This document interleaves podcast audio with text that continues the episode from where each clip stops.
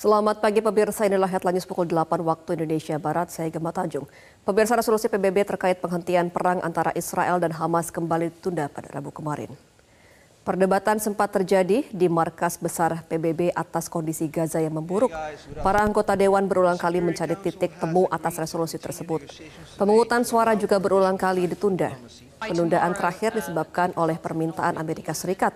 Sementara Perdana Menteri Israel juga menyatakan tidak akan ada gencatan senjata sebelum pasukan Hamas lenyap. Resolusi PBB sendiri menyerukan gencatan senjata kemanusiaan segera di jalur Gaza. Israel telah melakukan serangan sebagai pembalasan atas serangan Hamas pada 7 Oktober lalu.